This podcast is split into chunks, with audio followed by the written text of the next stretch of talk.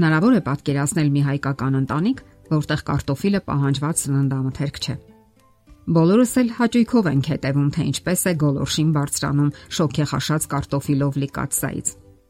Բոլորս էլ սիրում ենք կարտոֆիլ իր ամենատարբեր կիրառություններով։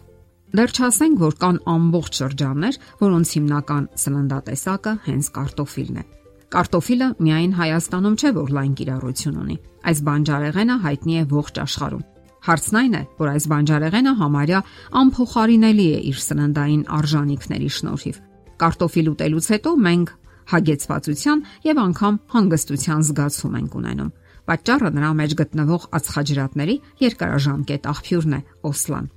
Նկատվել է նաև, որ ուտելուց հետո թեթևություն ենք զգում, շնորհիվ այդ կոճղար մատի մի զամուխ հատկության։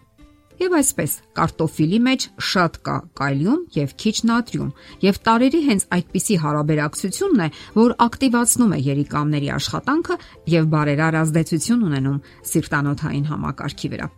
Սրտի համար առանձնահատուկ օգտակար է խորոված կամ կեղևով եփած կարտոֆիլը։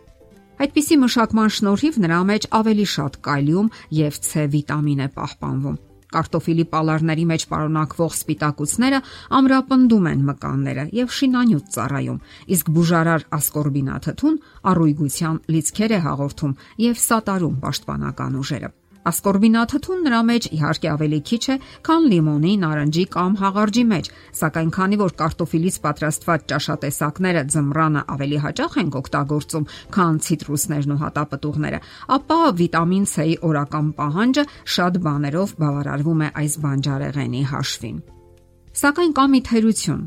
պահպանման ժամանակ վիտամին C-ի պարունակությունը նրա մեջ աստիճանաբար նվազում է իսկ շիլատ, ապակա եւ այլ տեսակներ պատրաստելիս կորուստը հասնում է մինչև 80-ից 90%։ Երբ մենք ուտում ենք եփած կարտոֆիլի մեր օրաբաժինը, ասենք 300 գրամ, ապա լիովին ապահովում ենք մեր օրգանիզմը ածխաջրատներով, կալիումով եւ ֆոսֆորով։ Երիտասարդ կարտոֆիլի 100 գրամ պալարների մեջ պարունակվում է մինչև 20 միլիգրամ վիտամին C։ Կարտոֆիլի բջջանյութը չի գրգռում ստամոքսի ու աղիների լորձաթաղանթը, իսկ եփած կարտոֆիլը կարելի է ուտել նույնիսկ գաստրիտի եւ խոցի սրացման շրջանում։ Կարտոֆիլի օսլան նվազեցնում է խոլեստերինի պարունակությունը լյարդի եւ արյան շիճուկի մեջ, այսինքն ունի հակասկլերոտիկ հատկություն։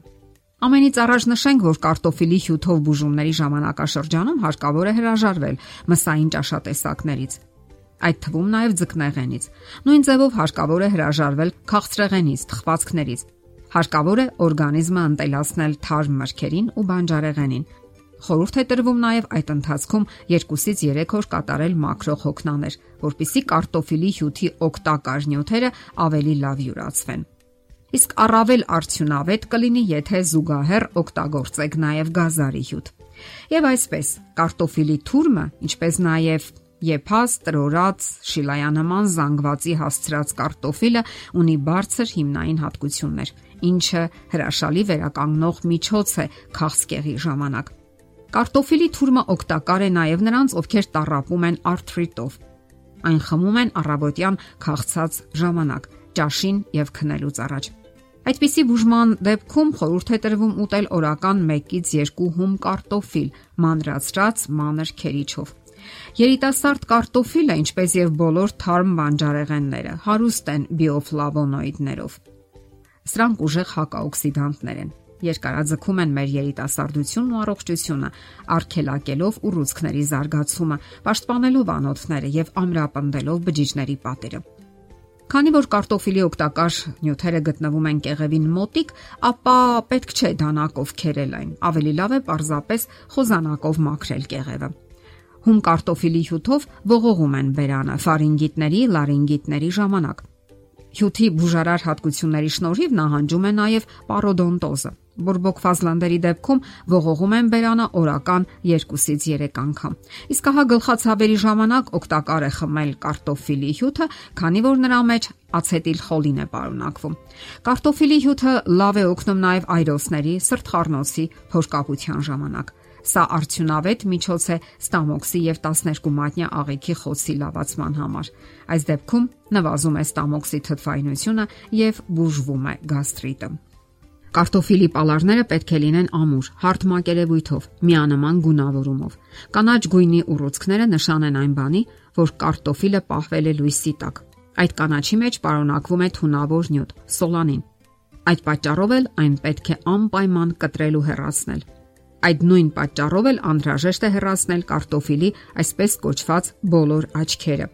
Տեղին կեղևով կարտոֆիլը ավելի երկար է պահպանվում Այն լավ է որպես ինքնուրույն ճաշատեսակ կամ խավարդ։ Իսկ եթե կարտոֆիլի կեղևը մուգ է, ավելի լավ է նրանից ճաշ պատրաստել։ Որքան քիչ է կարտոֆիլը շփվում օդի հետ, այնքան օգտակար է։ Այդ պատճառով էլ եփելիս հարկավոր է փակ պահել կափարիչը։ Ասենք նաև որ կարտոֆիլը վատ է համակցվում կարագի կամ յուղոտ մսի հետ եւ ավելի օգտակար է պատրաստել բուսական յուղերով։ Իսկ ընդհանուր առմամբ կարտոֆիլը լավ է համակցվում բանջարեղենի հետ եւ չի նպաստում գիրացմանը։ Դե ի՞նչ, այս բանջարեղենով հարուստ է նաև մեր երկիրը, եւ կարելի է տարվա բոլոր եղանակներին նրանով զարդարել մեր սեղանը։ Եթերում է առողջ ապրելակերպ հաղորդաշարը։ Ձեզ հետ է Գեղեցիկ Մարտիրոսյանը։ Հարցերի եւ առաջարկությունների համար զանգահարել 033 87 87 87 հեռախոսահամարով։